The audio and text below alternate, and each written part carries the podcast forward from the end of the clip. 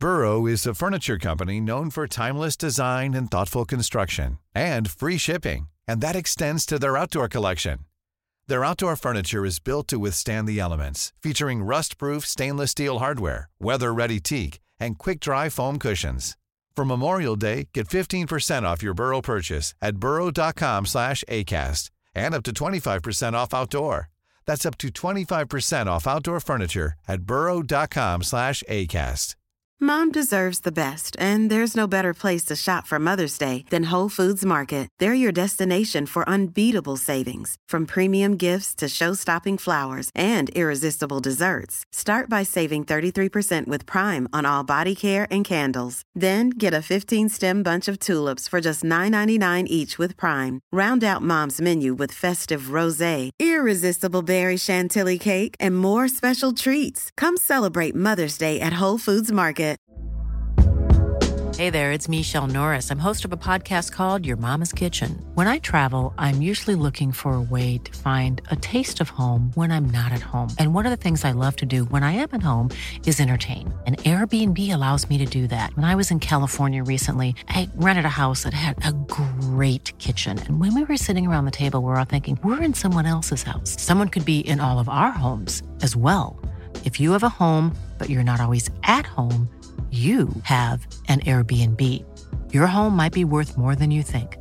Find out how much at airbnb.com/slash host. Guess who's back? Guess who's back? Guess who's back? Guess who's back? Guess who's back? Guess who's back? Ja, för han är tillbaka. Tillbaka från bänken i två veckor och har varit riktigt nere i frysskåpet hos, eh, hos producenten här. Men nu är Mikael Daggen Eriksson tillbaka i podden. Hur känns det Daggen? Ah, oh, som jag har längtat. Jag har suttit på bänken länge nu. Jag är, jag är helt upp... Jag är, det är på pumpa blod i mig. Jag har varit bänkad liksom förut, men så här länge och så här tidigt på säsongen, då har jag nog aldrig blivit förut. Men så skönt att vara tillbaka, få prata hockey igen. Jag saknar det så otroligt mycket, så den här Det var- bänkningen Fredrik gjorde här nu, så det känns som att, du vet, man har, kommer in på isen, man har suttit på bänken en hel match, kommer in, man är så här riktigt laddad, syre efter 10 sekunder. Mål i Det arslet efter känns 20. ändå som att jag har lite mer energi nu. Men den stora frågan är ju, har, ni, har du bör, så här börjat åka och bowla liksom och tänka över att vad är det för kris liksom och få börja jobba på det här? Jag var väl glad att jag duckade ljudinspelningen där ett program, men sen så kände jag att jag saknar ju att titta på er och prata med er och prata Hockeyallsvenskan och få det här utrymmet och få, för det är ju Simon, det blir lite kortare sändningar, här har de ju ändå utrymme att kunna prata hockey väldigt länge så jag har suttit på bänken, nu är jag tillbaka och succétrion är tillbaka. Rykten gör gällande att du frös en del i Tingsryd. Ja, det var ju fruktansvärt. Jag har ju inte, jag har aldrig tänkt på att det är så kallt när man står i, i bås och har, har hela utrustning på, men det var ju, det blir eh, långkalsonger i Himmelstalund imorgon, kommer det bli. Och Fredrik, vad, vad du ägnar åt sen vi var på Hovet i fredags? Ja, du gjorde SHL-studien i lördags. Ja, och sen har jag åkt Sverige runt i tåg på grund av banarbete. Jag som åker gärna tåg fick ju straffas med att vara i diverse småorter i Västmanland. Sen har jag varit ledig och ikväll har jag bjudit eh, 13 personer på lasagne. Det, det, det är delar av familjen Söderström. Eh, den är stor med förgreningar och ungars ungar och eh, syskons barnbarn och allt vad det är. Så att en stor middag och så fick jag chasa ut folket för att säga att nu ska vi spela en podd. Jobbar du Karins lasagne eller jobbar du egen eller? Men Daggen, för helvete, tror du att jag skulle duka fram något sånt? Det här är gjort med kärlek från grunden. Jag hade tre formar idag inne i ugnen samtidigt. Jag kände mig som en så riktig gammal matmorsa, men det var trevligt. Men det, det räcker liksom, middag komprimerat och nu är det hockey. Fredrik, det känns ju som att är det någonting du har en aura av så är det att göra en riktigt bra lasagne. Ja men det, det har jag nog. Det, det är ju min hemlighet. Jag kommer aldrig släppa själva receptet men det är ju eh, en viss ost från Italien som är hemligheten i den. Daggen sitter och skruvar på sig Mm. och slickar sig runt Mm. munnen nu. Nej, det, här, det här ska jag få uppleva känner jag. jag Ja, känner bara ja. att En vacker dag ska jag bjuda hem er grabbar, jag lovar. Finns det för övrigt någonting varmare i världen än en Karins, en Karins lasagne som man tar ut ur mikro? Men finns det något godare än en lasagne dagen efter? Nej, den blir bara Nej. bättre. Den gottar ju till sig den. Den blir- Jag tänkte på det där, jag, jag satt och funderade på, jag, jag lyssnade på en matpodd och då, då var de så här, "Ja, har ni några tips på ämnen? Det skulle man vilja ha så här, mat som är godare dagen efter. Den Lasagne är är bra. ju klockren på Ja. den. Den är bra. Så allt med köttfärs är ju fantastiskt i Ja, matlådan. det är som att det sätter sig. Sen är man ju, man är ju expert på att äta lasagnen när den är så glödhet, så man sitter Man är så och vänder sig på tarv. tungan hela tiden. Så det är, jag vet, jag är en sån här snabb ätare och kör sked oftast när jag trycker i med lasagnen, så den, den är glödhet när man trycker in. Så. Dagen efter är det oftast bäst.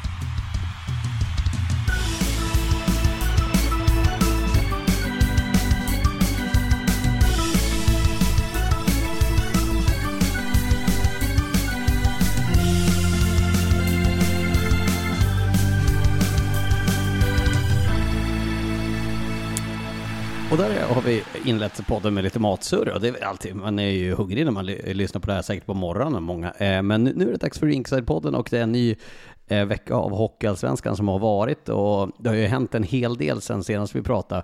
Eh, och nu är nytt då att vi spelar in för att sända onsdag. Och det gör vi helt enkelt för att alla tre ska komma, kunna vara med. Och tanken är väl kanske att det blir lite mer att släppa onsdagar framöver för att det passar våra liv lite bättre helt enkelt. Men vad, Dagen, du har suttit eh, och sett en del på TV i fredags och så sen var du i eh, Tingsryd i onsdags. Eh, vad har du för tankar efter den veckan som har varit? Att den har levt upp till det man har förväntat sig innan säsongen. Jag tycker att det har varit grymma matcher som har bjudits på dels publikfester men också härligt spel. Sen är det väldigt, jag tycker att lagen blandar och ger otroligt mycket så här säsongsinledning, och det brukar väl vara vanligt, men det är ändå extremt där man ser lag överprestera och göra en fantastisk match ena dagen till att nästa match komma och förlora med till exempel Västerås går och förlorar med 7-1 mot Modo dagen innan eller efter, och så det, lagen har verkligen blandat och gett där i säsongsinledningen, och det, det är väl intressant att se. Jag tror att serien kommer sätta sig här när man har mött alla lag en gång, men eh, den är ju superjämn, och vi ser ju de så kallade lite sämre lagen slå de så kallade lite bättre lagen, så den, den kommer bli tight i år, den här serien. På så vis så är det ju, lever det ju upp till det som vi eh, trodde och spekulerade gick på förhand också. Om jag ska jämföra med för ett år sedan, och då tänker jag inte på exakt hur tabellen såg ut, utan mer känslan jag hade, så, så är det ju mm, det spåret som du touchar vid Dagen. Alltså att det är lite mer oberäkneligt tycker jag. Det som ena dagen kan se så ljust ut kan eh, dagen efter vara en, en betydligt sämre prestation. Och det där blir ett dilemma om du ska vara ett topplag över tid. Ehm, jag tycker också vi har sett några lag, jag vet inte, vi kommer ju komma in på, på lagen mer specifikt kanske, men det är också lag som har inlett rasande och även om vi och jag framförallt i synnerhet är, brukar vara tråkiga och säga att vänta innan vi drar slutsatser så gör ju även jag det och det fanns ju några lag vi stod och klappade händer åt som vi nu tycker att vad fan är det här? Och något lag som kanske har fått fart på grejerna så att, eh, men det är som du sa Dagen, det ger dem jag önskade ju att det hade varit så att alla lag mötte alla de första eh, 13 matcherna, så att man, man kunde dra en slutsats, men nu är det ju tyvärr inte så. Sen, se, sen ser vi också att försäsongen, där spelare verkligen har presterat, kommer in i en säsong där pressen kommer, då är det inte lika bra längre. Eh, så när den här pressen kommer, när man börjar föra statistik och det börjar gälla poäng, då bekänner man färg också, även som spelare och även lag, som jag tycker såg fantastiskt bra på försäsongen, kommer in nu, lite sämre i serien och verkligen letar efter form. Jag tänker att vi kan börja med där jag och Harald var i lördags för vi har ju, jag och Fredrik satt ju och, och gav ganska rejäla frågetecken till Björklövens säsongstart eh, i, eh, i förra podden. Men sen fick vi ju se att Björklöven som eh, klädde av Modo fullständigt i, i lördags kväll. Och, och tankar om den Fredrik, det är det du har hunnit se och snappa upp efter den matchen? Ja, nu, ni gjorde den. Jag satt i SHL-studion så jag följde inte 60 minuter, men jag såg ifatt lite grann och jag såg en del highlights och jag får ju någonstans en känsla av att det som vi på förhand har pratat om som styrkorna i Björklöven eh, infrias ju i en sån match. Eh, de spelarna vi möjligen har funderat kring, är det så bra som det sagts, visar ju ändå spets. Så att jag tycker, och jag tror inte vi har sagt att Björklöven har en kris i den meningen, för jag tror vi är överens om att de har ett så pass bra lag att de kommer att växa. Men vi har pratat mycket om konsekvenserna som kommer runt omkring ett lag när det går lite tungt. Därför tror jag vi sa i senaste podden, du och jag Lars, att jag sa att det, det kommer vara optimalt, eller kanske var på Simor, skitsamma vad jag sa det, men att det är perfekt läge för Björklöven att möta Modo. Eh, när man har haft lite knack i start och det, det blev ju så. Jag tycker väl att eh, säsongstarten har varit poängmässigt knackig, men jag tycker ändå försvarsspelet som vi pratade om innan, deras backsida är ju fantastiskt bra och grym backsida, så den, den har ju ändå sett bra ut. Sen så har ju inte poängen trillat in som man trodde, och man hade väldigt höga förhoppningar om det här laget som vi pratade om innan. De är ju, de är ju seriefavoriter, alla tror ju att de ska gå upp också. Så. Sen så nu, nu, nu har de ju fått igång en första kedja och, och Weigel är ju en eh, på nyttfödd eh, allsvensk kung igen, så det är kul att se den här första kedjan med Poli, Kilki och eh, Weigel. Så nu, nu tycker jag ändå att de visar här att de är det topplag som de ska vara. Han var ju arg som ett bi också Weigel. Han var ju ruskigt Men det måste, arg måste inte han vara det för att vara bra? Jag Känns- älskar när Weigel är arg. Han Ja. ska vara sur, han ska vara Ja. grinig. Även fast de vinner med 5-1, det kvittar, han ska vara grinig. Det ska vara så hela tiden. Men jag tycker att, Jag tror han tycker att rekord i att svära i en intervju. Jag tror han svor eh, sex gånger i intervju hade efter första perioden. Men jag tycker faktiskt Björklund har sett bättre ut än vad de har fått ut poängmässigt. Jag tycker att de är stabila, de har ett grundspel. Sen var det bara att de skulle få igång den här spetsen som man hade pratat så mycket om innan, och det är samma sak där, försäsongen. De såg fan grymma ut innan, och nu tycker jag att de har växlat upp. Nu är inte jag någon slavisk statistikföljare på det, sättet. Jag tänker att det finns också andra parametrar, men Corsin till exempel på Björklöven, de har ju haft siffror som har varit till, till stor fördel även om de har förlorat. Så att jag tror att eh, internt i laget så har man säkert haft en känsla. där frustrationen över onödiga förluster har varit större. Däremot ser du kanske inte attityd och karaktär på samma sätt såklart i statistik. De hade ju en eh, skottstatistik inför matchen mot eh, Östersund på att de gjorde mål på 5% av skotten. Och det brukar ju sällan ett topplag, jag menar det brukar ju alltid puttas upp mot en 12-13% när vi är en- bit in i säsongen. Men sen har ju powerplayet också varit fullständigt bedrövligt. De har inte alls fått det att funka och nu fick de igång det också. Inte bara det att de gjorde mål på det så kändes det ju som att de hade ja men eh, idéer och lite tankar och ett bra pucktempo. Att det gick ju undan i den där matchen och även mot Östersund i tredje perioden så såg man att det fanns en gas att trycka in. Jag tycker att viktigt för Björklöven, med den här backsidan, med den här stommen som de har kvar, att försvarsspelet sitter. De har tillräckligt bra skickliga spelare för att det ska komma offensivt. Jag tror att, när, som de har visat här för, eller i början av säsongen, så har de försvarsspelet sitter. Och nu börjar de ju växla upp, så jag tror att jag, kommer, jag tror vi kommer se ett Björklöven som jag trott med många andra lag nu när man har sett det här, de blandar och ger, men jag tror att det kommer vara ett Björklöven som har växlat upp nu och de kommer börja vinna otroligt mycket matcher på grund av att de har det här stabila och även får igång den här spetsen nu. Så ska jag bara ytterligare lägga till en sak som kan vara lite motsägelsefullt när jag säger det. För att jag tror ju naturligtvis i grunden på att man ska ha ett, ett, ett, ett, en tydlig spelidé och man ska vara konsekvent. Det är något jag tjatar om. Men jag tyckte också att Björklöven i sina bästa stunder förra säsongen var som bäst när de balanserade eh, tydlighet och konsekvent spel med lite mer, eh, ska vi kalla det, mönsterbrytare. Alltså att man, man hade en, en, en liten annan karaktär på gruppen. Och det där är, jag vet inte, det, det, det tror jag skulle kunna vara Björklövens segerrecept. Att man är tydlig i, i vissa delar men samtidigt lite avig och eh, ja, men annorlunda i, i, framförallt i spelet med puck.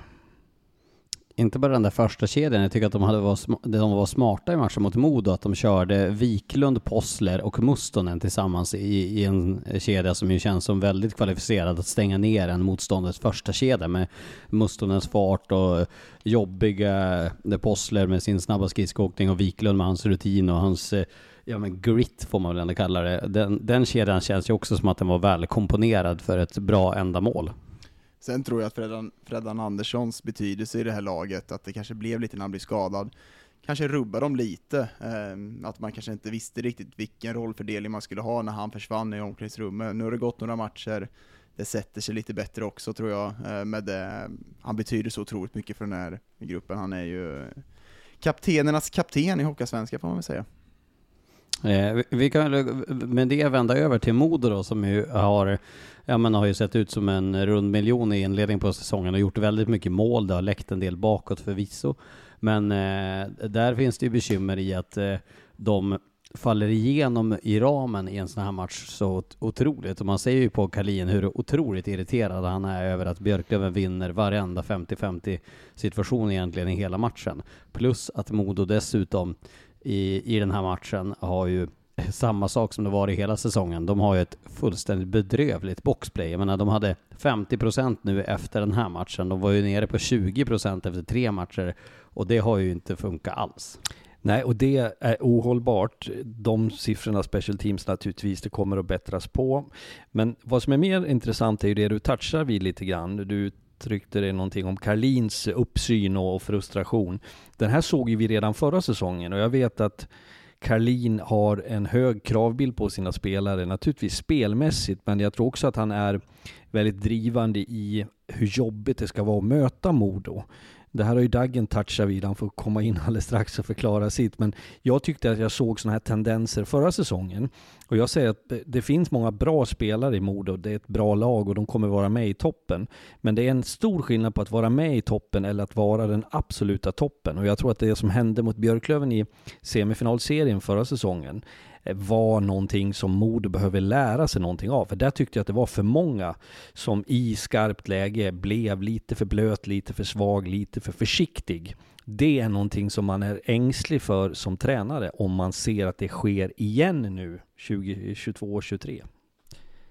Ja, men jag har ju pratat om det innan. Jag tycker att det var ganska bekvämt att möta dem. De har ett, ett av de skickligaste lagen på liksom, spelmässigt. Och när de spelar på topp, då visar de upp den här säsongen också att det liksom, de är grymma framåt och de kommer producera framåt också med de här Woods och Dickinson. Men de är lite mjuka när det väl börjar gälla lite, tycker jag. Och det är som Fredrik säger, för att vara med i topp, topp, toppen, då tror jag att de måste ha en, en nivå till för att kunna ta det steget. Och jag tror att det, kommer, det, det finns i det här laget, men det blir liksom som att de allihopa kommer in i det här och de blir lite mjuka i en sån stor match. Eh, och det tycker jag kändes av lite förra året också, men när de spelar på topp då är de ju hur bra som helst och det, är liksom, det sitter allting. Åker skridskor, bra passningar, bra spets, bra PP, så det, det finns ju det, men jag tror att de måste ta, en, ta det till en ny nivå för att komma ännu längre. Jag, tycker att man märker i en sån här match också att, eh, ja men om man kollar på den där laguppställningen, Erik Ginesjö Karlsson, eh, Daniel Mannberg, Sebastian Olsson, några av de här, de är ju Johan Södergran, det är ju knappt att man noterar att de är med i matchen. Alltså de gör ju inget större intryck egentligen. Eh, och det har de gjort tidigare under säsongen förvisso. Men eh, det är ju ändå alarmerande att eh, ja, men Daniel Manberg med mycket SHL-rutin, Sebastian Olsson också. Eh, det, Erik Ginesjö Karlsson som ju nu ska vara eh, assisterande lagkapten och vara en eh, del, eh, drivande, grupp i, drivande del i den där gruppen. Det känns ju, eh, ja, det kommer säkert vara tvärtom nästa gång de möts i Örnsköldsvik. Då kommer Modo köra över Björklöven som det, Det var grundserien i fjol. Men, ja. Något att tillägga där Fredrik om Modo?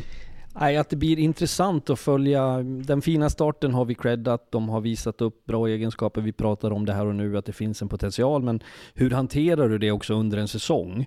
För det är ju inte så att det är, ju, det är en, en sak som skiljer Hockeyallsvenskan från SHL lite grann. Det är att SHL har mer färdiga spelare som ska leverera på, på vissa positioner. Det finns inte det är klart att tränarna jobbar med utveckling och så, men, men bland hockeyallsvenskar så är det mer oslipat. Där kan du forma lite mer under en säsong och därför kommer det vara de lagen som ska vara med i den absoluta jakten måste också få fart på några oväntade spelare. Du nämner några där Lars på Modo som, som kan mer och om det är piska eller morot, om det är extra träning eller video eller om det är samtal eller om det är bara inspiration. Men du måste ha fler med som är bra samtidigt, framförallt i de tuffa matcherna. Sen, sen Modo har ju egentligen ett etablerat lag på nästan alla positioner. Det finns ju nästan ingen som inte är etablerad på den här nivån. Och de, de måste ju få ihop det här och jag tycker att de har fått det, men eh, som sagt, ett steg till, då, då, då kan de vara med och slåss om det här i slutet. Eh, jag tror verkligen det. Det- För de, de ser bra ut när de är bra. Men det är lite som de, de flesta lagen, det, det blandas och ges otroligt mycket. Speciellt på Modo också. Ja, de toppar ju fortfarande tabellen så det är, det är inte fara och färde. Men Höga krav ju, har vi på Modo. Ja, det tycker man ändå ska ha på ett lag som ska eh, vill ta, tillhöra topp tre. Ett lag som har haft det kanske kämpigast av alla, det är eh, Östersund, där nu får vi säga att smekmånaden definitivt är över. 33 insläppta mål på sex matcher. De släpper in sju mål i snitt de senaste fem. Ja, det är alltså 7, 7, 6, 8, 7. Det är inte, inte bra det där. Nej, jag tyckte ju, vi gjorde ju AIK, var det match nummer två för dem va? Ja, stämmer. Där vi kanske inte tyckte att AIK stod och känna igen, eh, men det förtog inte att Östersund var frejdiga och intensiva. Men, men har jag den på näthinnan och sen det jag har sett i efterhand, jag tittade en hel del på Mora Östersund och där ska jag vara så skarp så jag säger att det var som att titta på division 1 hockey. Det, Mora gör mycket som är bra. Mora fick äntligen vara effektiva för ett lag som har kanske skapat mycket och haft stort puckinnehav men varit lite trubbiga framåt så, så var det viktigt. Men de behövde verkligen inte förta sig. Och det här besvärar mig lite grann. Nu är vi neutrala så att det handlar inte om att jag ska försvara Östersund på något sätt. Men de försvarar ju inte sig själva om jag ska vara elak. Utan det är vidöppet och det har också varit för svagt eh, målvaktsspel naturligtvis. Det, det säger ju siffrorna. Men jag tycker framförallt att man utsätter sig för enorma risker i spelet. Och det här, det måste de få stopp på. Och det med detsamma. Menar du att Östersund eh, utsätter för risker eller Mora? Nej, Östersund. Att Östersund i sitt spel är, spelar så yvigt och jag tycker man släpper två mot ettor, man släpper från konstiga positioner eh, lägen emot sig som gör att det, det smäller helt enkelt.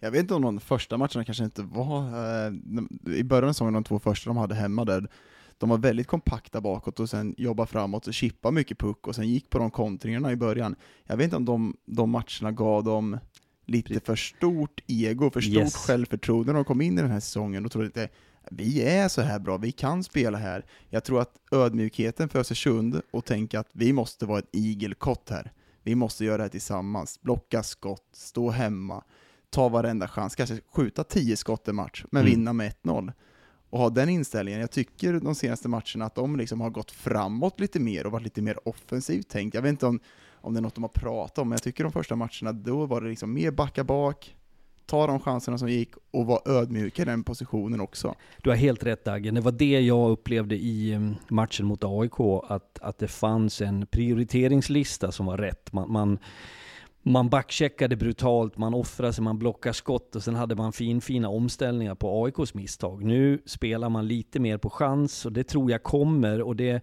jag ska inte för, liksom försöka förklara Östersundsspelarnas eh, mentalitet, men jag tror vi alla har varit i situationer i livet, oavsett om det är hockey eller övriga livet, där man tycker att man är lite skönare än vad man är. Oavsett om det är när man byter däck på bilen, vilket jag inte gör för jag kan det inte. Men vardagssysslor och så börjar du slarva och så kommer konsekvenser. Jag tror precis det är där Östersund är. Vad som förvånar mig är att det sker fem matcher i rad.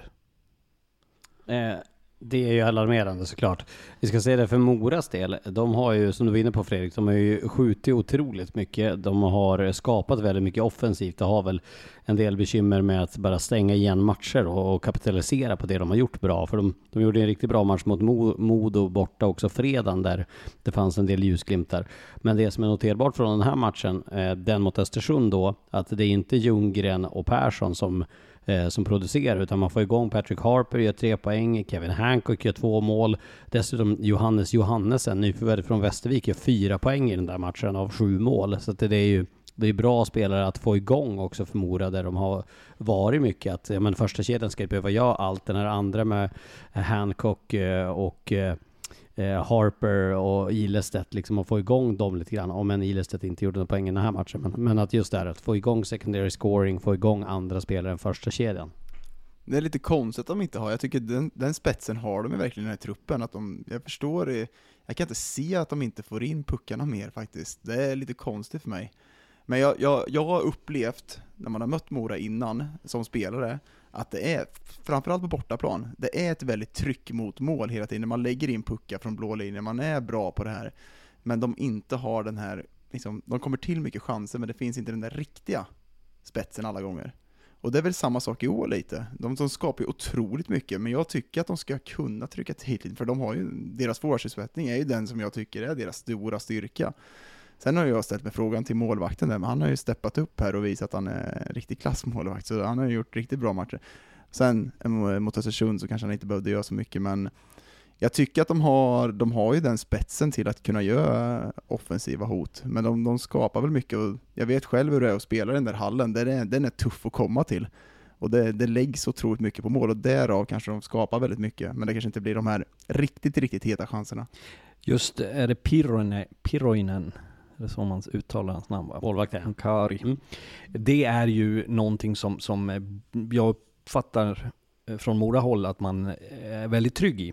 Och det, det vet vi också att det gör någonting med ett, ett lag. Att klarar du av att ha en hög standard på, på ditt målvaktsspel så tillåts du också agera lite annorlunda på isen. Eh, I övriga spelet menar jag. Så att eh, det kanske är en absolut faktor för framgång för Mora och sen eh, som du är inne på Daggen, effektiviteten kanske borde finnas där. Men då, jag har alltid tänkt i tränarrollen, så länge du skapar och tar mycket skott så ska du ju också mm, trösta dig med det på något sätt.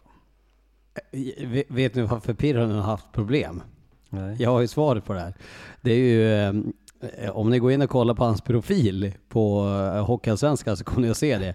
Han är alltså 85 centimeter lång och väger 187 kilo. Så att, det kan Han ser kompakt han- ut. Det är bra att bred där nere. Här. Höjdare, då är det kört. Då skulle han bli som den här tjejen vi hade, det var lite festligt eh, Lars, Just på ja. Hovet var det ju eh, i en periodpaus som mötte eh, SSK Djurgården flickor i, ja de kan inte ha varit 10 år, 7-8 år kanske.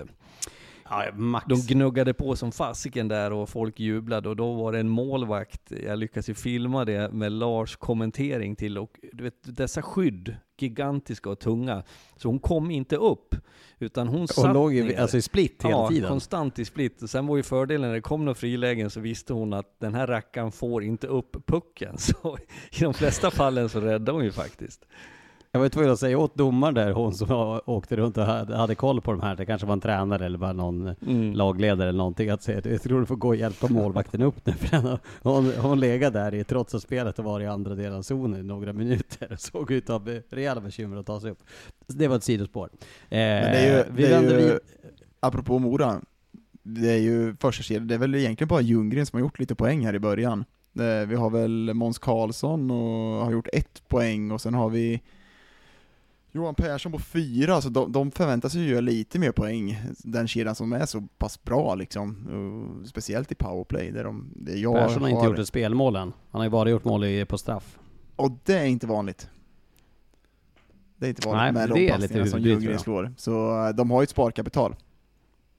Och även eh, Moras historik senaste åren har ju varit en generellt en trög start utan att leverera. Nu har de ju eh, gått över de prognoserna eh, trots då att, att absoluta spetsen inte riktigt har levererat. Så det kanske är ett gott betyg för Mora IK.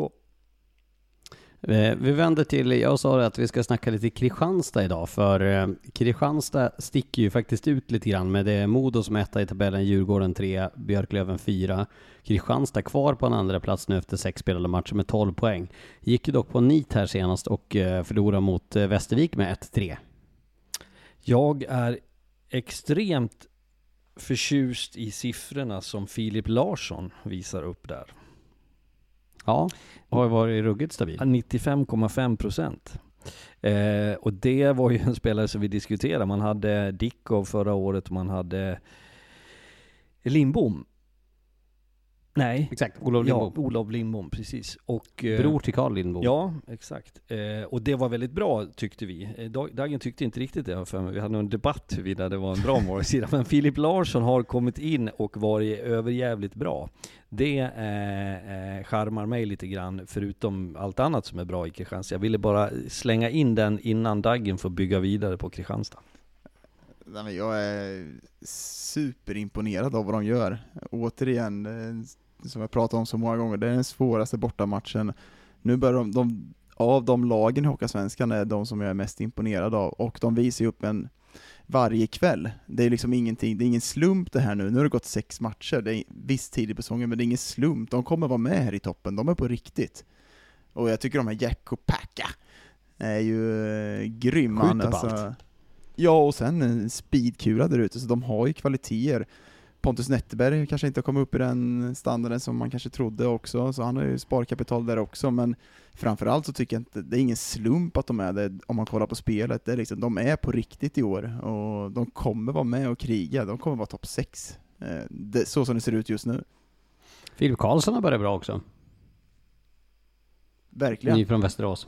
Ja, Mm. och vi om. det är liksom, jag tycker ingen, jag tycker ingen sticker ut negativt i det här laget. Jag tycker liksom att alla stämplar in varje kväll och det är liksom, oavsett vilken roll man har så har de en rollacceptans som är enorm och det är väl Gats, eh, det är väl Gats förtjänst, han, han piskar på dem som vanligt hela tiden.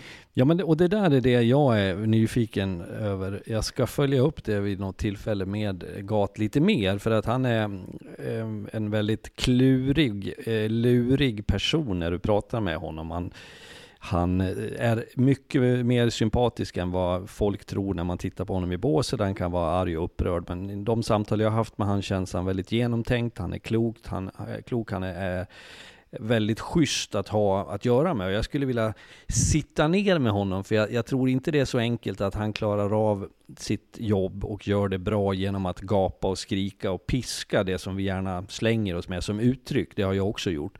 Utan det måste också finnas någon form av fint strategi i hur du lägger upp träningar, vad du har för typ av övningar, hur du skapar den här tävlingsnivån, det som, som ofta stimulerar spelare till att så, i så stor utsträckning vara så intensiva som de är i sitt spel. För det är det som fascinerar mig, hur, hur, hur påslagna de är, alldeles oavsett om det är Almtuna hemma eller Djurgården borta.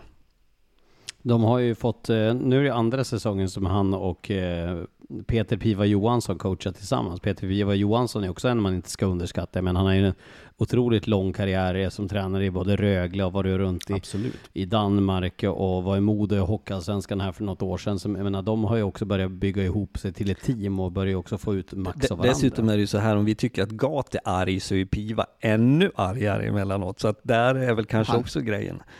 Han är ett galen, alltså han är värre än Gat. Jag tror, jag tror att uh, Gat får ju all skit, men det, det, det är riktigt skriker mycket. Ja, eh, och jag tror, jag, jag berättade ju förra året, jag ska upprepa den, men jag, efter Västerås-Kristianstad så skulle jag vidare någonstans, så jag bodde kvar i Västerås över natten fast jag inte har så fasligt långt hem. Och då eh, bodde Kristianstad på samma lag, så när jag hade kommit tillbaks på kvällen så tog jag en öl och satt mig nere på hotellet och då kommer hela Kristianstad och ramlar in.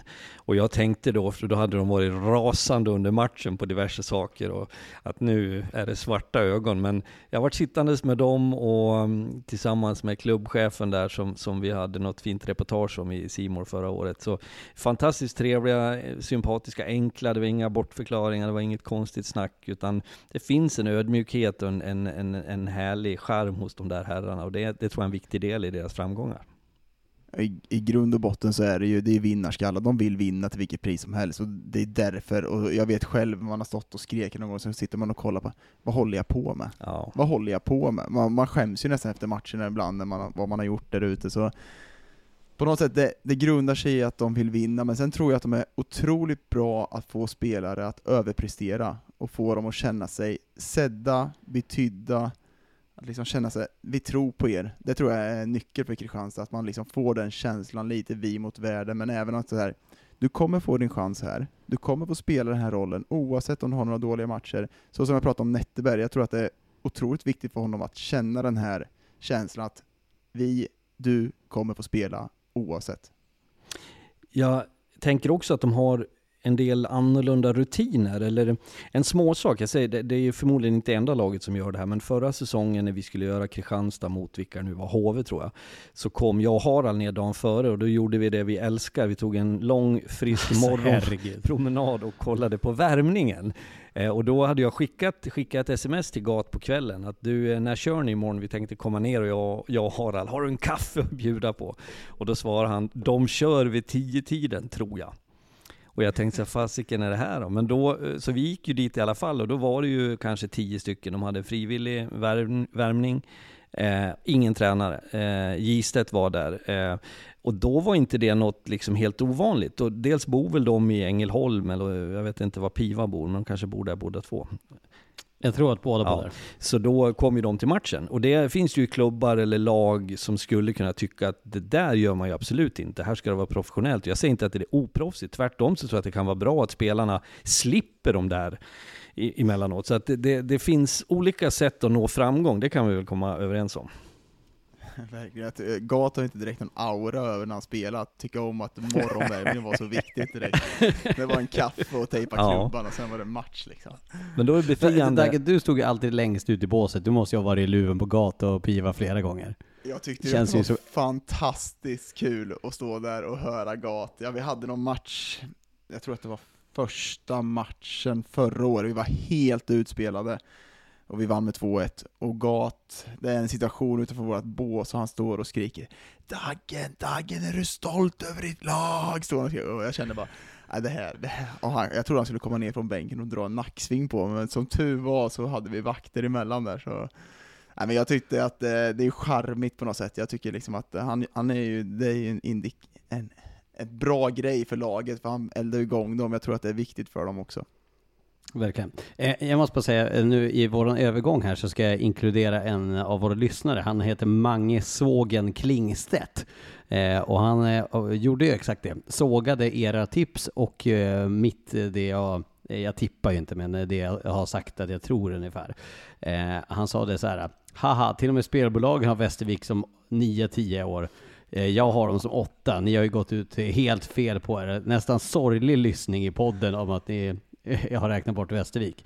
Och eh, det har vi gjort i år igen. De är, sek- de är femma nu igen. Så det är samma sak med Västervik. De överraskar. en Och de har träffat 100% rätt med, med sina nyförvärv i år igen. Jag har gjort en deal med Gudmundsson där att jag, jag, jag snackar ner dem, jag lägger alla tvivel på Västervik och så, så får de säga att jag har fel och så får man energi och inspiration. Så, så det är en investering i Västervik. Nej då, jag ska säga att jag är återigen, eh, du touchar vid det Lars, det är ju Brickley och det är Vela, Vila. Exakt. Vel- Vel har gjort sex mål redan. häpnadsväckande bra. Eh, Brickley tycker jag är, eh, ja, jag var tvungen att gå in och försöka läsa lite om honom häromdagen. Jag tänkte, det här måste ha blivit något fel. Har han liksom åkt fel? Det fanns en gammal story en gång i tiden om en som kom till Eh, vad ska jag berätta den kort? Olofström och Oskarshamn. Jag har varit tränare i båda de klubbarna en gång i tiden. Och eh, då var det en som trodde att han signade för Oskarshamn, men skulle visst till Olofström och hade åkt till fel ställe, en, en nordamerikan. Eh, så att jag tänkte någonstans att Västervik hade trillat över något projekt som skulle vara i Zürich eller något sånt där. Men han, han har varit ruskigt bra och eh, jag tycker att Västervik, trots en, en liksom tuff start första matcherna nu, är där igen. Eh, jag måste bara flika in, in, innan Daggen kommer in här. Alltså Danny Brickley, alltså, han har snitttid på isen. 26.40 efter sex matcher. Han har gjort eh, nästan två poäng per match, 11 poäng så här långt. Eh, leder poängligan. Marcus Vela leder skytteligan. Det är ändå noterbart att de har fått hyfsat eh, träff på de där två. Man får hoppas att Brickley har bra fys, för han kommer nog ha syre efter matcherna om man ska spela sådär hela säsongen. Men sen också, eh, vi pratar ju om eh, Georgssons betydelse här i Värmland, De måste ju ha någon i Västervik som är... Vem är det i Västervik som värvar de här spelarna? För de lyckas ju varje år. Och Georgsson, om man kollar på Södertälje nu, de Luciano Krastenberg som inte rosar marknaden riktigt, så kollar man på Vela och Brickley, som verkligen är fantastiska i Västervik. Så vem är det som, vem är källan i Västervik? Det är den man vill ta reda på. Där vill vi göra en intervju. Jag tror det är så här. Eh, jag tvivlar inte ett ögonblick på Georgssons förmåga eh, när han var där. Eh, Karlin hade sitt inflytande under lång tid. Men jag tror det kan också vara så att Västervik som klubb har jobbat upp ett bra rykte gentemot agenter. Att det är en miljö Eh, Eh, kom till Västervik, du kommer få spela mycket, du kommer få en betydelsefull roll. Här har vi en ishall som är, är från Hedenhöstiden. Vi har inte det här draget, vi har inte de största pengarna. Men mellanlanda här.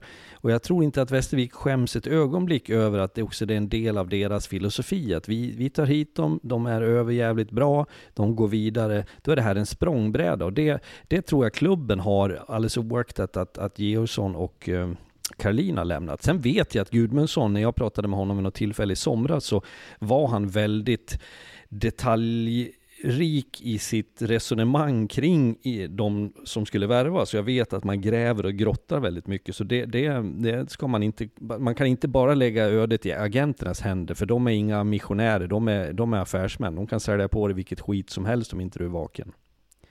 Så, ja, så är det verkligen. Men sen tycker jag att de också har förstått lite var de är i näringskedjan, hur de spelar hockeyn, lite som jag pratade om Östersund innan. De, de är kompakta nerifrån och sen tar chanserna när det kommer och de, de är liksom ödmjuka inför den här uppgiften. De vet vilken stor uppgift de har framför sig, för det är de, så det är många som har tippat dem i botten, de kanske trodde lite själva att de skulle vara i botten också och överraska lite där, men nu när Brickley och Vela presterar så här, så, och sen att de har den här spelidén, att de verkligen köper in det varje kväll, och sen Kruse i målet, återigen väldigt bra, har ju hittat hem där igen. Och Edvin Olofsson hade 97%, tog 34 och 35 skott, vilket gjorde att de vann mot Kristianstad nu i, i söndags också. Så att de har ju två bra målvakter. För det ska vi säga, Edvin Olofsson var i, under hösten i fjol, var ju han en av ligans bästa målvakter när vi hade kommit 10-15 omgångar in i serien. Sen får man väl också, ska vi se här vad som Västervik brukar göra, de brukar sälja av de här spelarna. Det ska bli kul att se hur länge de orkar hålla emot det, för det kommer komma bud nu när SHL vill... Ja men Brickley kommer inte vara kvar till jul om han fortsätter vara så här bra. Alltså det finns inte chans att han är kvar till jul. Nej, Jag satt och kollade på honom och jag, jag skrev det i någon tweet här att han, han sticker vid jul, men det skulle vara kul ändå, jag tror att laget skulle må bra om man gick ut och så här. sen förstår jag att de, de vet vart de är i näringskedjan, de måste ha in pengarna, de har inte den bästa ekonomin, men det skulle vara kul att se någon gång att de tog chansen här och hade kvar spelarna. Men tänk då, jag menar, Miles Powell det snackades ju om, det är ju inga bekräftade siffror, men det var ju väldigt många som hade uppgifter som inte dementerades, ska jag säga, på att de fick eh, typ 700-800 000 för Miles Powell. Och jag menar, om de då har Danny Brickley, är det någonting som folk i den här ligan behöver, och även SHL-lagen, så är det kvalitetsbackar. Vi ser vad Michael Kapla gjorde direkt han kom in i Hockeyallsvenskan i Skellefteå och nu i, i Rögle. Och, och dessutom har de ju skickat mängder av spelare den vägen. Jag menar, det är ju ingen jättegissning på att, ja men låt säga att Djurgården skulle få en skada på typ Killing nu när han kom in eller någonting, att eh, slanta upp för honom är ju inga problem att lasta upp. Nej, det kommer, det kommer bli en dragkamp om man, så är det. Jag tror att det är redan igång också. Det tror jag också. Och jag har hört det, jag har hört det av sportchefer redan nu, att det är folk som liksom inte kanske har gett bud, men liksom har börjat snegla på att det där finns ju, här har vi en lösning. Men man vill fortfarande veta vem det är som har alla kontakter i Västervik. Vem, vem är det som har hotellet där? Jag vet att du Fredrik hade någon inside där. Vem är det som, är det Ulvius? Ja, vi, ja men vi, det var ju han vi spånade ja. Är det Björn och Benny kanske? Kanske hela ABBA-gänget som smyger in någonting? Vem vet? Eh, vill ni, eh, det jag tänkte bara säga med Västervik också, det, det känns ju som att de har kanske den tydligaste spelidén. Ser man ett lag och de inte har sina tröjor på sig, om man ska se två lag eh, med, eh, ja, men neutrala tröjor, då ska man ju känna igen Västerviks spel ganska enkelt, för de, de kör ju väldigt, jag, jag tycker det är ganska likt som Linköping spelade i fjol, där är runt målvakten, hjälp målvakten mycket, få skott utifrån, de släpper till väldigt få klara målchanser, vilket ju måste vara otroligt, otroligt frustrerande att möta. Ja men och det är ju återigen, jag tror jag sa det förut, kan upprepa det. Det är ju en smartness hos ledningen i, i Västervik att man identifierar vad har vi för material, vad kan vi göra med det här gänget. Det är Eh, jag tror också det finns lag som vinner på, det är inte så upphetsande att komma till, eh, till Västervik och spela match. Det är inte fullt tryck alla matcher, det är sisådär omklädningsrum. Det finns en, folk som kan vara less över att komma dit. Och det tycker jag att man, ungefär som Tingsryd, förvaltar på ett bra sätt. Att man, det är inte lyx och flärd, utan här får ni fan komma hit och This Mother's Day, celebrate the extraordinary women in your life with a heartfelt gift from Blue Nile. Whether it's for your mom, a mother figure, or yourself as a mom, find that perfect piece to express your love and appreciation. Explore Blue Nile's exquisite pearls and mesmerizing gemstones that she's sure to love. Enjoy fast shipping options like guaranteed free shipping and returns. Make this Mother's Day unforgettable with a piece from Blue Nile. Right now, get up to 50% off at BlueNile.com. That's BlueNile.com. Hey, I'm Ryan Reynolds. Recently, I asked Mint Mobile's legal team if big wireless companies are allowed to raise prices due to inflation. They said yes. And then when I asked if raising prices technically violates those onerous two year contracts, they said, What the f are you talking about, you insane Hollywood ass? F- So to recap, we're cutting the price of Mint Unlimited from $30 a month to just $15 a month. Give it a try at mintmobile.com slash switch. $45 upfront for three months plus taxes and fees. Promo for new customers for limited time. Unlimited more than 40 gigabytes per month. Slows. Full terms at mintmobile.com. Burrow is a furniture company known for timeless design and thoughtful construction and free shipping, and that extends to their outdoor collection. Their outdoor furniture is built to withstand the elements, featuring rust-proof stainless steel hardware, weather-ready teak, and quick-dry foam cushions. For Memorial Day, get 15% off your Burrow purchase at burrow.com slash ACAST and up to 25% off outdoor. That's up to 25% off outdoor furniture at burrow.com slash ACAST. Skägga på om ni ska vara med. Vi säger därmed cred till Martin Gudmundsson, Morgan Persson, ny assisterande tränare och Gabriel Remelin som är både eh, assisterande general manager och dessutom målvaktstränare. Det kanske är Gabriel Remelin som ska ha cred med tanke på att han var ju med under Karolina också som assisterande general manager. Så vi får se. Men Jörgen Fransson och Felix Felle Gustafsson också, materialförvaltaren, ska inte glömma. Profil där. Felle Gustafsson, han gjorde ju en... Ja, sluta bara. Han gjorde ju en... Han gjorde en Tom Brady. Han slutade och kom tillbaka efter sex veckor och, och kände att det, det var för lite att spela discgolf på somrarna så han ville tillbaka till Som han hockey. fyller år idag för övrigt, eller igår. Ja, han på Facebook har upptäckt att han är Ja, han. då, då säger vi definitivt Mm. grattis. Tom Brady alltså. Eh, ja, till Tom Brady. Västerviks Tom Brady. Där har vi det. Och då hade vi tänkt ha ett litet segment här i podden där vi eh, helt enkelt ska snacka om lite spelare som, som vi tycker sticker ut så här efter eh, starten på den här säsongen och några som har, ja men, ska man säga, som har fångat vårat öga lite extra. Och jag tänkte att eh, Daggen, du får börja. Du har ju suttit och laddat nu i två veckor för att eh, vräka ur det här. Ja men herregud vad jag har kollat spelare nu och fått analysera allt. Men jag har ju varit, jag var i Tingsryd här eh, förra onsdagen och såg eh, Tingsryd mot Bikaskog och har varit lite småförälskad faktiskt i en eh, back som var där, Josef Berger. Otroligt bra med pucken, driver upp det här PP-spelet, bra skridskoåkning, har egentligen alla kvaliteter. Jag har varit jäkla imponerad av han också, de tidigare matcherna också, hur han liksom driver hela det här laget. Och jag älskar backar som driver upp pucken med fart och inte behöver slå första passet men håller i en lite och vågar göra den här utmaningen. 19 år bara, jag tror att han har en grym framtid framför sig och fortsätter han så här då, då kan det vara ett SHL eh, prospect faktiskt. Eh, 19, 22 förlåt. Eh, 99 är han född. Så... Eh, Matte. Matte ja, eh, det är jag som är dålig där. Fråga kalkylatorn från Karlstad om eh, hur den där matematiken var. Tycker han har som fin skridskoåkning också, bra puckbehandling, eh, jättebra i PP. Jätteimponerad av honom. Jag har faktiskt inte tänkt på honom så mycket när han spelade i Södertälje förra säsongen, det ska jag ärligt vara och säga. Jag känner inte av honom när han spelar då. Men de matcherna jag sett med Tingsryd så grym. Han, Fick inte vara kvar där nej heller. men precis. Det där tycker jag är intressant. Jag skulle precis eh, flika in det. Om det var ett val själv eller om det var SSK som skeppade honom, det vet jag inte. Eh, Men eh, det är ju bara att konstatera att miljö också har sin inverkan. Jag säger inte att det är lösningen på allt att vara i Tingsryd, men vissa spelare kanske ska vara ett visst sätt att spela på med en trygghet och ett, förtroende. Så det är ju spännande med de där som kan, kan eh, blomma där då. Fredrik, Jag, vet, jag tänkte verkligen inte på honom förra året i Södertälje och det jag sett nu innan, ligger på 20 minuter i, Tingsryd också och är deras bästa back av det jag sett så ja, kan han bara få lite fart här med, med laget också så kan det bli bra. Då får Fredrik ta vid därefter med, med sitt val. Ja men då gör jag det tråkigt nog bygger jag vidare på samma karaktär fast en nivå upp, so far åtminstone, David Bernhard, Modo.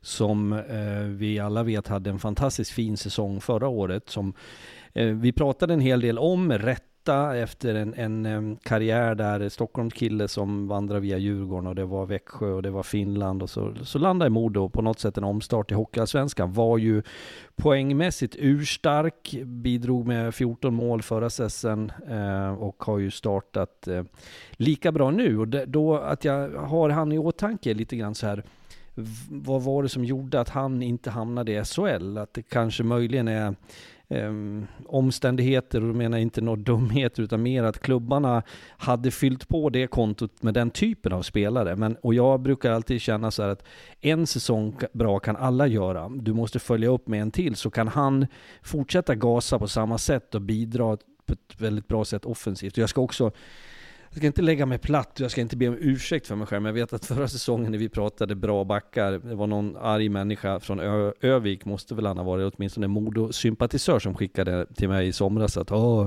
eller taggade in mig heter det väl va, i sociala medier att Söderström hade inte ens han med bland de fem bästa. Eh, han var, var rasande jag försökte svara lite konkret. Han, var väldigt arg den här människan. Så, det får han gärna vara, men han ska vara glad på Bernhard, för det är jag. Jag tycker det är en, en kanonfin start och det är en sån där spelare som Hockeyallsvenskan kommer underhållas av ett tag till åtminstone.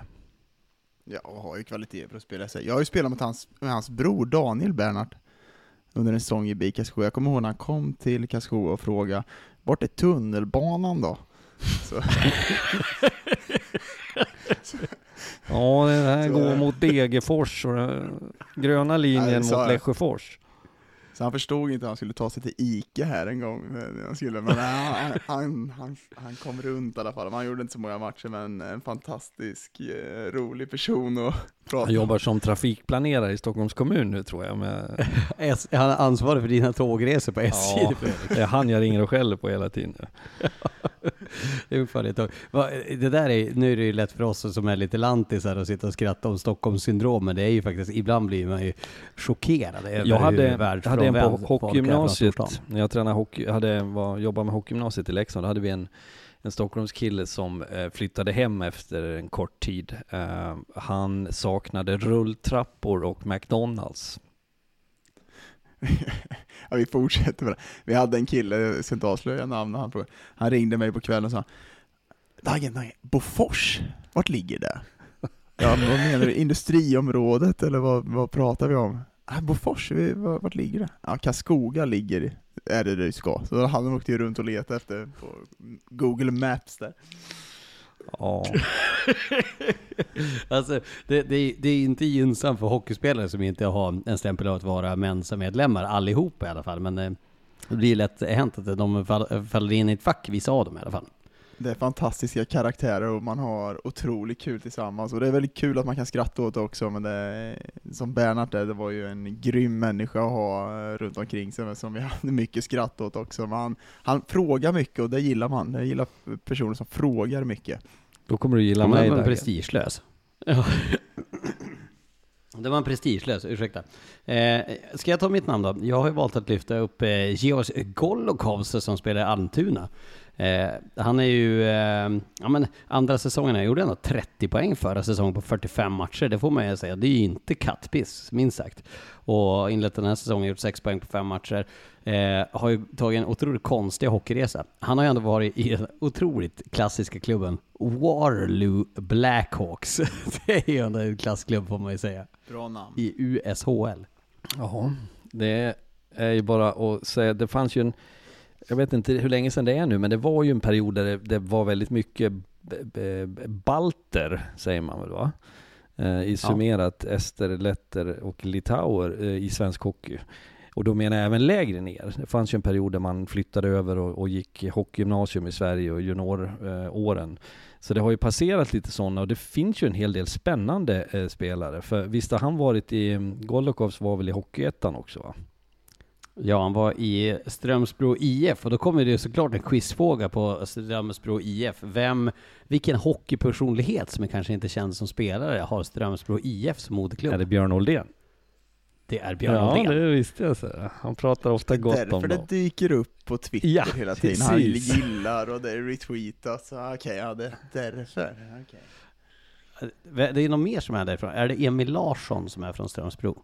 Ja, men Eh, Strömsbro är ju, det ska jag ju bara vi kort konstatera att eh, Bryn, eller eh, Gävle och hockeyn har varit duktiga historiskt på att när du kommer från ett, ett, en stadsdel i Gävle så spelar du länge i den där du hör hemma. Eh, Medan i vissa städer så har det blivit att du ska vara liksom i den, den stora klubben. Men därför finns det ju många Gävle-fostrade hockeyspelare som inte nödvändigtvis har Brynäs som sin moderklubb.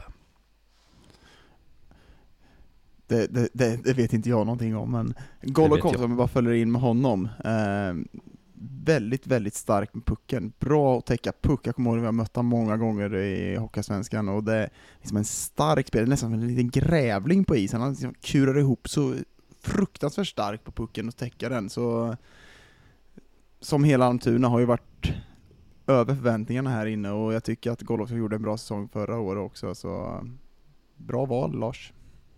Ja, Almtuna, de eh, har ändå eh, rasslat ihop åtta poäng på de fem första matcherna. Eh, vi tänkte att vi skulle göra ett, eh, om vi då skrattar åt Stockholm som åker ut i landet, så har vi klumpat ihop Stockholmslagen och då har vi tagit Södertälje, AIK, Djurgården och alla som är inom en och en halv timme. Och då slänger vi inte med Almtuna här kanske så mycket, men framförallt då Västerås och eh, Södertälje Södertälje är i det här slutsegmentet.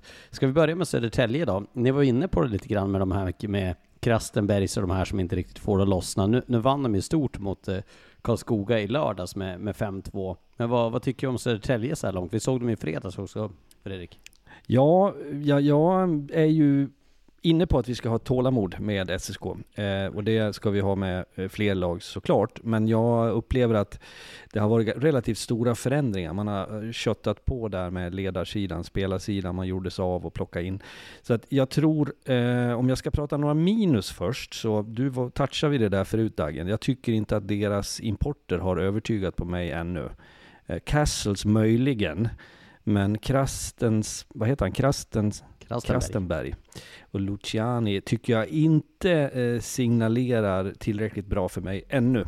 Eh, däremot överlag tycker jag finns attityd. Jag tycker de har en, en eh, i de här mötena med Djurgården så har man visat, tycker jag, karaktär och mod och jag tyckte det var starkt att man kvitterar senaste mötet på Hovet och visar upp sådana egenskaper som jag någonstans kan sätta en, en check på. Målvaktsspelet har varit bra, jag pratade länge med Eh, Kalle, målvaktstränaren i SSK före mötet i Scaniarinken där han förklarade i deras tänk och jobb och det, det övertygade på mig. Så, så de, jag tycker, vad är det man säger, fågelfisk eller mittemellan så är det mittemellan för mig än så länge. Ja, det, det skulle jag nog med säga. Det, det har blandats och getts eh, otroligt mycket, men det är ju som vi pratade om eh, med Kastenberg och Luciana som inte har kommit upp i nivå. Krastenberg som var, gjorde han mest poäng på försäsongen av Han öste ju en poäng då. Ja, och såg har ju var ju grym och SSK-supportrar öste i beröm av honom. Nu börjar det vända lite, man ser att det börjar tisslas och tasslas lite om att eh, både Luciano och Krastenbergs, eh, Krastenbergs inte börjar prestera. Det är, det är kul att det är en spelare som Pasic, Pasic tycker Och jag var jättebra. Dahlström. Ja. hattrick mot Karlskoga. Mm. Och det kan jag säga, det vet jag att Dahlström älskar att göra hattrick mot Karlskoga, för det är en motståndare som han, han gillar inte att spela mot Karlskoga. Och vi har haft några duster kan jag säga. Så det är Låt kul, höra. det är kul att se de här spelarna som, är, som har varit med förra säsongen, att det är de som går i bräschen för det här Södertälje och visar liksom var- vart skåpet ska stå. För jag tycker att när de spelar på topp, då är de där uppe och de, de ska kunna vara med i toppen i år. Jag måste bara flika in att det var ju tack vare Jakob Dahlström och Emil Alba och egentligen Nikita Tolopilo som att de ens spelar i Hockeyallsvenskan i år. Ja, det är sant. Det två andra som jag, eh, det här är också lite komiskt, Daggen med fler och fler matcher på ditt CV på Simor så kommer du uppleva det som hände mig i fredags när det var Djurgården SSK så har ju vi kontakt med de här som plockar ut bilder åt oss för rit och så här och då, då fick jag för mig att jag tycker den här Ludvig Jansson eh, är spännande och sen har du Albert Sjöberg där som vi har pratat en, en ganska mycket om tidigare. Eh, men Ludvig Jansson där så sa jag, följ upp han, jag vill ha ett paket på honom med lite bra saker. 20 sekunder efter jag säger det i örat till, till de som gör det åt oss, så boom, klev han bort så det blir en 3 och mål. Så då fick vi stryka eh, det, det uppskattande ritet. Men eh, i skuggan av Lekkerimäki, Ögren och eh, Östlund så, så, så finns det eh, ganska många spännande unga spelare runt om i lagen i ligan. Och Eh, Ludvig Jansson och Albert Sjöberg tycker jag är två av dem. Men det är ju också så, det tycker jag är en intressant grej som vi kan kasta in nu, att för de här unga spelarna så måste du också vara i en miljö, det, det är många faktorer, men en är att du inte förväntas vara ledande. Det är inte Jansson och, och Sjöberg som ska vara bäst i SSK, men, men de ska vara bakom några som är riktigt, riktigt bra så att man kan få utrymme, man får frid och man får förtroende. Jag, ty- jag, Gud, herregud. Eh, jag gillar ju Sjöberg, alltså, jag tycker vi fick se mycket av han i fjol och jag tror att det kommer komma... Men herregud. Jag ber om ursäkt för alla lyssnare. Min eh, röst, eh, det är sent på kvällen. Vad, jag gillar ju henne. Det, det känns ju verkligen som att han har någonting och där kommer det att komma. Och det är också lite kul att spela in med det här på Nikola Pasic. men han öste in poäng i Karlskoga för två år sedan. Hade ju en eh, tyngre säsong i fjol. Men eh, där finns det också någonting. Och nu hade han väl kanske inte den bästa matchen i i lördags mot Karlskoga som jag förstått det, men han, han tycker också ha någonting. Ja, men han är, han är duktig, han är framförallt bra i powerplay, där jag tycker att han styrker det och kan styra upp ett powerplay på ett bra sätt. Så sen, sen är ju jag lite så här när det kommer lite större, om vi ska prata lite nyförvärv, det som vi var inne på lite med Krastenbergs och eh, Luciano, som vi pratade om kanske någon tidigare podd, jag vet inte, du och Fredrik Luciano. kanske pratat, ah, förlåt. Eh, att när det kommer större plånbok, att man kanske inte gör jobbet helt ut med grund, grunden och kolla på de spelarna. Att man har en större plånbok, man kan plocka spelare lite hur som helst, det går lite snabbare för att man har den plånboken. Så jag vet inte om Georgsson kanske inte har gjort samma jobb på de här spelarna, för jag tycker inte de har gjort, de har ju verkligen inte gjort den succén som eh, de har gjort, som de spelarna han tog in i Västervik, i Västervik innan, så det det blir en annan, en annan sak här. Då var vi frågan för innan säsongen också. Nu är det större plånbok. Det- så- Gör, kommer han göra samma grävjobb? Ja, nej, men- det har han kanske inte gjort hittills. Nej, men, och sen tror jag att du blir erbjuden en annan, eh, du får en annan kategori spelare. Jag, jag kan inte agentbranschen fullt ut, jag tror inte att man sitter och tänker att att vi erbjuder inte dem den här spelaren utan dem, men, men någonstans finns ju ett sånt tänk. Och då kan du ju liksom i just den kategorin fela lite mer också. Så att, sen ska vi väl ge dem, jag ser att de snittar ungefär 15 minuter eh, de två eh, per match, vilket väl är okej, okay, knappt okej. Tittar du på på, vi pratar Brickley och Västervik nu, det är en back i och för sig, men, men du, du måste också jag vet hur de här importerna, jag har haft så många genom åren, fungerar. De måste känna sig betydelsefulla, de ska vara där när det är do or die-läge. De måste eh, ha en, det, det, det finns en statusgrej i dem att vara bäst och de räknar dig i, i vilken formation du befinner dig i, om du är ett första PP och att du spelar mycket och i stort sett när du själv vill. Ja, vi får följa, följa upp det. Vi ska göra dem på fredag mot, eh, mot AIK. Det leder ju över till AIK som, de har ju faktiskt bara spelat fyra matcher så här långt. De har ju spelat minst av alla. De har nu Almtuna, Södertälje, Almtuna som får hålla sig relativt nära hemma här i, en- i en vecka framöver. Man har ju... Jag har ingen som helst styrning eller eh, fog för någonting gällande AIK. Jag har ingen aning. vad Jag, jag har inte fått något svar av AIK alls den här säsongen egentligen. När jag och Harald kom till Hovet i fredags eh, så vi åkte taxi från hotellet och så klev vi av där vid, vid Globen eh, hotellet i stort sett. Vid grinden där och så kom vi gående så kommer en svart Skåda i rasande fart och styr mot oss på den där och jag hann för en sekund se livet eh, eh, flimra förbi där. Det tog en sekund så var det livet förbi nära. Och så stannade bilen och där satt en leende Anton Blomqvist. Eh, Så jag och Harald började prata lite grann med honom och så ställde vi på han lite varm ton sådär förvisso. Men var, var, var är ni? Var står ni? Vi kan liksom inte värdera, vi kan inte läsa er. Eh, Och han eh, lutade sig tillbaks i sätet och så vart vi ståendes där eh, tio minuter, fem minuter i alla fall.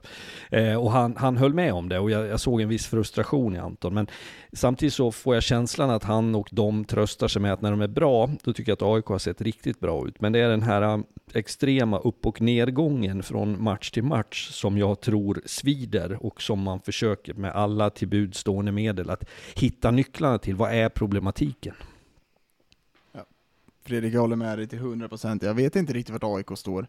Jag kan inte analysera dem, för jag tycker att spelet, vissa matcher ser jag ett spelsystem och andra matcher så går de ifrån det helt. Så det, jag tycker att det, det är tre lag som jag tycker verkligen blandar och ger som mest. Det är AIK, Södertälje och Västerås. Det är de tre lagen jag tycker blandar extremt mycket i prestationer under matcher och även mellan matcher. Så AIK är grymt svårt att analysera ett lag just nu, men som Fredrik sa, när de väl spelar på topp, då är de bra. Då är de bra. De är- De har ju slagit Modo och Löven. Precis. När de är på topp spelar de bra. Sen åker de till Östersund som de matcherna som de ska vinna. Och det är lite det problemet jag tror, både med Västerås och Södertälje och AIK, det är att man inte är tillräckligt ödmjuk.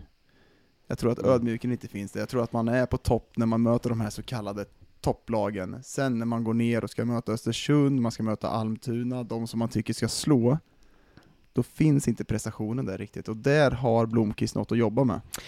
Ja, och det där är ju ett så här klassiskt hockeybegrepp, man pratar underskattning. Jag har vänt på det där genom åren och sagt att jag, jag tror inte att man underskattar motståndet, men man överskattar sig själv eh, och sin förmåga. Och man har en, en tendens att i den typen av matcher vara lite skönare, frångå vissa principer och prioriteringar.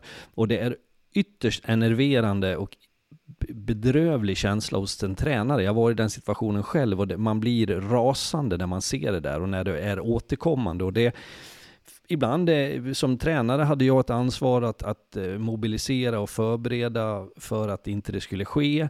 Men det är i, i mångt och mycket en spelarfråga i, i, som, som, alltså att om fel spelare väljer fel attityd. Och då menar jag alltså en ledande spelare, om den avviker från konceptet så får det sådana konsekvenser i gruppen. Och det räcker att du kommer snett in i en sån match.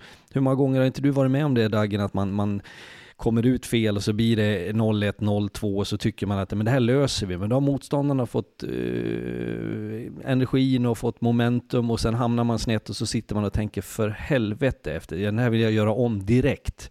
Och har du 6, 7, 8 sådana matcher på en säsong, det är ju upp till 20-25 poäng som du förlorar på det. Jag tycker att det, det, det är topplag, man är ett riktigt topplag om man kan prestera i de matcherna. Och det, det är den jag saknar i de här lagen lite just nu. För jag kommer ihåg när, vi, när jag var i Karlskoga och vi kanske var ett lite mindre lag i Hockeyallsvenskan, då överpresterar vi nästan alla matcher mot de här så kallade topp Leksand, jag kommer ihåg med Karlberg, de här spelar vi spelar på topp varje match mot dem. Och sen när vi skulle åka och möta Arboga, då, vår prestation var inte där. Men sen under åren här, kommer jag ihåg, vi började bygga upp ett topplag, man kan, det är svårt att säga, man är topplag så, men det jag menar är att man vinner matcher man förväntas att vinna, och det tycker jag är en styrka att kunna göra, och det, den finns att jobba med i de här lagen tycker jag. Ja, men, och där ska jag addera dessutom, eh, för jag tycker Djurgården, som vi då gjorde på fredagen mot SSK, gör en, ingen optimal match, men jag tyckte ändå att jag såg tillräckligt mycket bra saker för att känna att ja, men Djurgården ja, har stabiliserat. Sen åker man dagen efter och förlorar mot Almtuna, som i och för sig inte är någon skam, ett Almtuna som, som är, är i god, gott slag just nu. Men det var det här som jag upplevde att HV71 förra säsongen, de hade sina plumpar definitivt, yes. Men över tid så var de skickliga på att oaktat motstånd, vilken dag det var i veckan, om det var hemma eller borta, stor fin arena eller liten skitrink, så gjorde man jobbet. För att man hade en bred trupp, man hade en tydlig rollfördelning och klarade av det. Och det har än inget lag i Hockeyallsvenskan övertygat på mig, men det är för tidigt att dra den slutsatsen möjligen.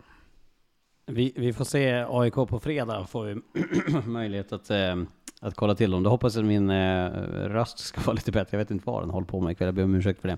Eh, vi kan vända över till Västerås då, som är definitivt ett av de här lagen som vi inte vet vart vi har. Eh, Sakari Salminen har ännu inte gjort mål. Gunnarsson har inte gjort mål på backsidan. Lindelöf står på 1 plus 0 efter fem matcher.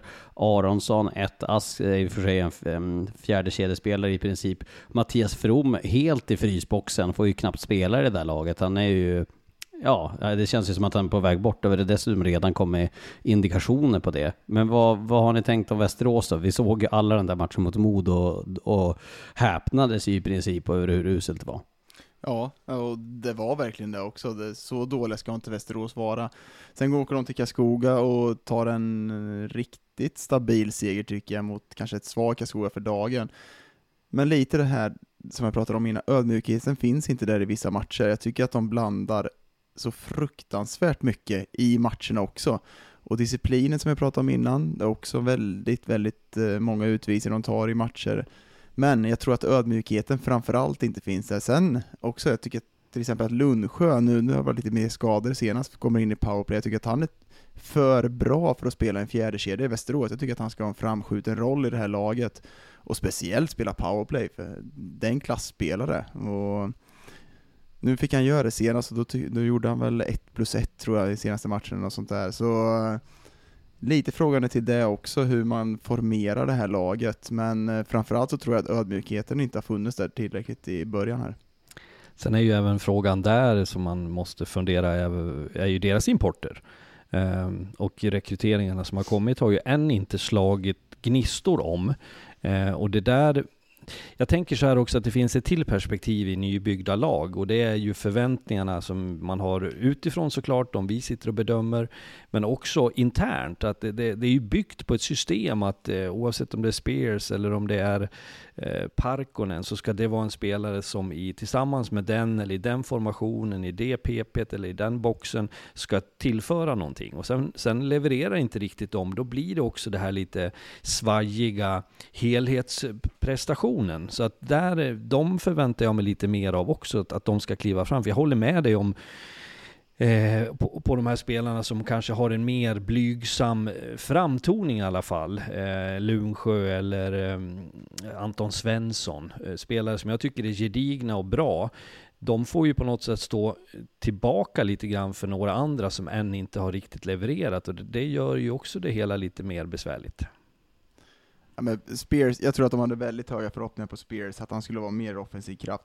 Jag ser att Lundsjö snittar 13 minuter per match, ligger två i deras poängliga, fem poäng, förtjänar otroligt mycket mer speltid än vad han gör just nu och ska inte vara en fjärde kedja i det här laget. Så sätt upp han lite, jag tror att de kan få en riktig skjuts där med honom, men jag tror att de hade lagt mycket pengar och mycket tid på att Spears ska vara en mer offensivt hot. Jag ser att han var i fjärde kedjan här senast också, så det är nog ett en missberäkning. Sen tror jag det, det ska bli intressant att följa Västerås av många skäl. Ett är ju den där smällen mot Modo. Och jag tror säkert att någon som lyssnar på det, men sluta tjata om det, där det händer alla lag. Ja, det gör det. Det är så det är. Frågan är bara hur man hanterar det, hur man går vidare. Man kan faktiskt gå stärkt ur ett, ett magplask. Om du säger sanningarna till varann, om du fejsar varann och, och, att du resonerar på ett bra sätt så att saker och ting faller på plats, då kan du ha ut någonting gott av det. Och nu åkte man och slog Karlskoga, det var en stark seger. Jag såg inte så mycket av den, vi gjorde annan match då, men som du säger också Dagen, möjligt att BIK eh, har en liten svacka period, eller det har de ju sett i resultaten i alla fall. Så vad som, hur bra det var, det återstår ju att se. Nu har ju de ett märkligt spelschema, de har väl... Ja, jag tänkte säga det, de spelar inte för den på lördag. Nej, och då har de Djurgården hemma va? Ja, det är hemma, ja inte hemmapremiär, men det, eller det kanske är det, men det är, hur som Nej. helst är det, det är slutsålt eller blir lapp på lucka då. Det är inte Men hemmapremiär Johan man... Gustafsson, 84% Johan Gustafsson också. Ja, och då ska jag tillägga en sak. Jag tyckte ju att han var bra. Förra året tidigt så sa jag, hade jag någon sån här lista på fredagssändningarna där, eh, fem bästa målvakterna. Eh, och då var inte Johan Gustafsson med.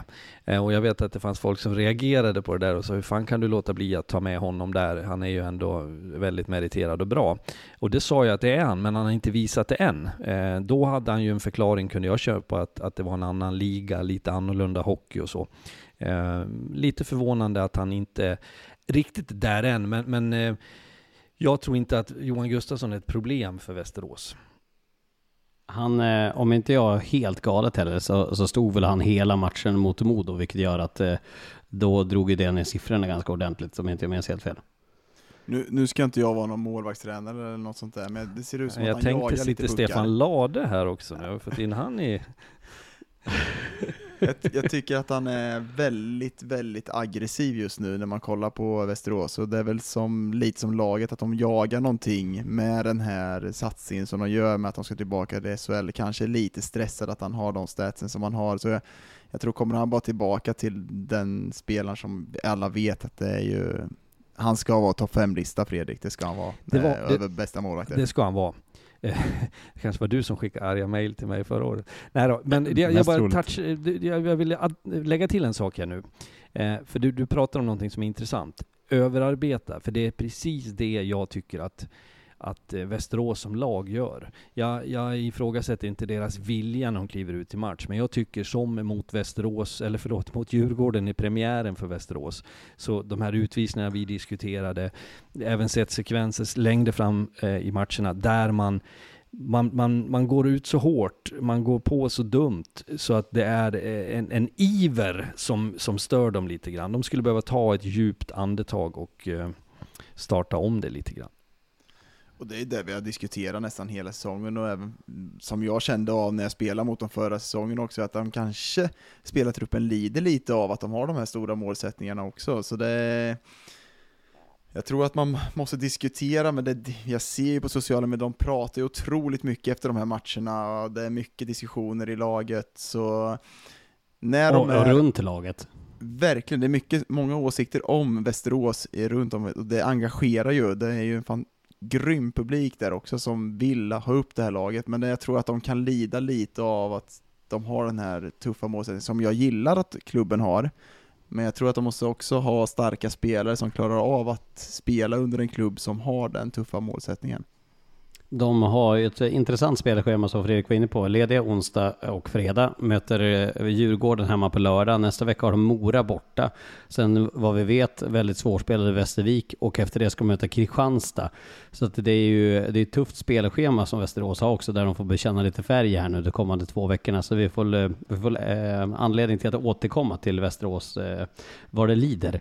Jag känner att vi börjar bli ganska långa. Ska vi, mm, ska vi ta Djurgården också då? De har ju fått in, nu verkar det som att Killing nu ska spela. Han är ju klar nu och eh, spelklar för Djurgården. Ska paras ihop med Johan Alm i ett backpar som ju känns eh, eh, väldigt meriterat. Jag menar, Killing CV är ju ruggigt starkt. Johan Alm tycker jag kommer in och var det exakt det som Djurgården behövde. En, eh, en defensivt ruggigt lojal back som är smart och har, eh, ja, men har väldigt bra blick för spelet. Det var ju en spelande back i sina yngre år som nu har blivit en mycket mer defensiv back med tanke på hans skador och hans roll som han har fått i alla lagen när han eh, Ja, det var väl egentligen när han var i Frölunda innan han återvände till Skellefteå som han blev lite mer defensiv back. Men den tycker jag är ju eh, eh riktigt intressant att se. Jag vill bara flika in, det var kul att eh, jag tror det var Henrik Malmström i, i Södertälje, han skrek eh, i mitten på tredje perioden nu att spela på Alm, han är helt slut! Och så när vi tittar på honom så skrek han en gång till. Men stämmer det att han flyttade, gjorde fystester, spelade Ja. match? Är inte det väldigt, Samma dag. Det- är inte det- det väldigt typiskt Djurgården att sätta en sån spelare för den, den påfrestningen på något Han var ju sätt? bäst på plan typ och spelade mest i matchen i, i den matchen. Ja, det var ju inför premiären, som, eller hans debutmatch då i Djurgården, fredagen mot eh, Djurgården. Nej, mot eh, Södertälje. Då hade han, eh, han hade kört fystester på morgonen, tränat med laget. Efter det signat på kontraktet. Hade kommit på, bott på hotell natten innan, flyttat in grejerna i lägenheten, direkt åkt ut till bussen, alltså gått från flyttlass till bussen, sen då för att fastna i trafiken på väg till Scaniarinken, spela match, skulle mjukas in, fick spela mest i matchen och sen stod han där som eh, en av de mest eh, essentiella spelarna i den matchen som gjorde att de vann den. Ja, imponerad av. Alm, jag är imponerad av spetsen och, och kvaliteten i Djurgården. 5 mot 5 spelet, så där tycker jag inte att de hittar det spelet som jag förväntar mig att de kommer göra under den här säsongen. Men boxplay, powerplay, där visar de klass. Och det är där de vinner matcher på just nu, att de har den klassen.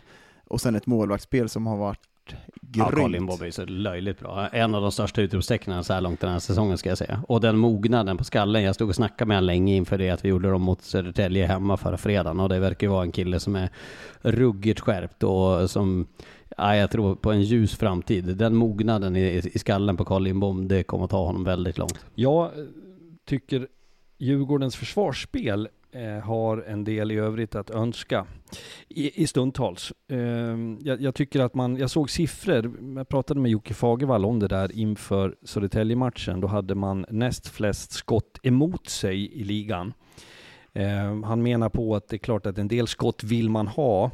Eh, det, så kan det ju vara att du, du, du tillåter en back på blå att skvätta iväg en puck om du har full koll och tar målvakten. Det, det är också ett skott på mål i den meningen. Men jag tycker också att man hamnar lite snett emellanåt. Jag, jag, jag tittar gärna på tydligheten i försvarsspelet och tänker framförallt både på hemgångar men, men jag tänker främst på egen zon om man är, får längre sekvenser där. Jag, jag, jag upplever inte att man har den fulla tydligheten och skärpan defensivt som man kommer att behöva ha om man ska vara ett absolut topplag.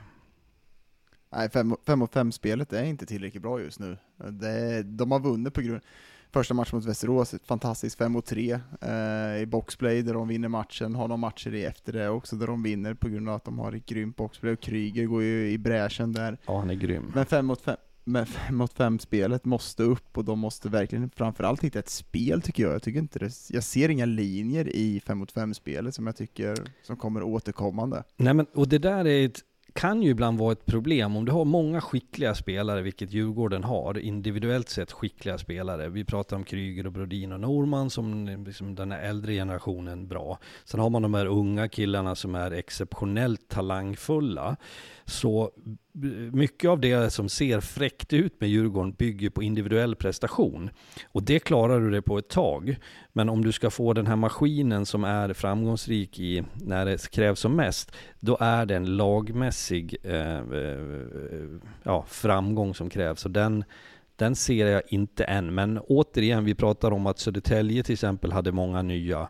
Vad har inte Djurgården? Så att det kanske rätar upp sig med tiden. Det är väl det åtminstone de hoppas på. Möjligt att Schilling och Elliot Alm kom in, att man får en stabilitet på backsidan, att det både stärker försvarsmässigt men också kanske blir lite tydligare i, i uppspelsfaser och spelvändningar. Jag tycker ju att det är sjukt imponerande att se sättet, alltså Eh, för Djurgården att få liksom en positiv medvind i starten på den här säsongen, och se det jobbet som, ja men Kryger, men kanske ännu mer Daniel Brodin gör. Och jag tycker att John Norman är ju lysande. När de satt ihop, tänk när de ska försvara en ledning mot Södertälje, och så slänger de in de två tillsammans med John Norman. Alltså det är ju löjlig kvalitet i den här Ja, ligan. men jag gillar också Brodin som ser ilsk ut. Vi pratade om det på någon spelare förut här, att det, det finns en, en Weigel var det väl va? Att, att jag tycker Brodin också är väldigt påslagen. Därför fascinerade, fascinerade det mig under senaste matchen så, så det blir ett hopslag snett framför båsen, eh, om det är i tredje perioden, kommer du ihåg det Lars? Och pucken kommer Han är i... på att skjuta ögat av både mig och eh, våran studieman Star Ja, Lars. jag stod ju där också om det nu räknas. Eh, och då, och då kommer Brodin fram ganska omgående och säger eh, Gick det bra grabbar? Eh, och sen kom ju Norbe också för all del, för han var inblandad i samma situation. Men, men då var det liksom att han switchat om och jag, jag, jag tycker det är spännande att följa spelarnas eh, kroppsspråk och blickar och karaktär där. Men han kunde gå från eh, uppjagad och het till eh, fundersam om vi hade tagit skada. Sen tycker jag att de, de ska sätta ihop de här tre spelarna, de ska spela tillsammans, de ska leda det här laget, sen ska de sätta ihop den här unga kedjan.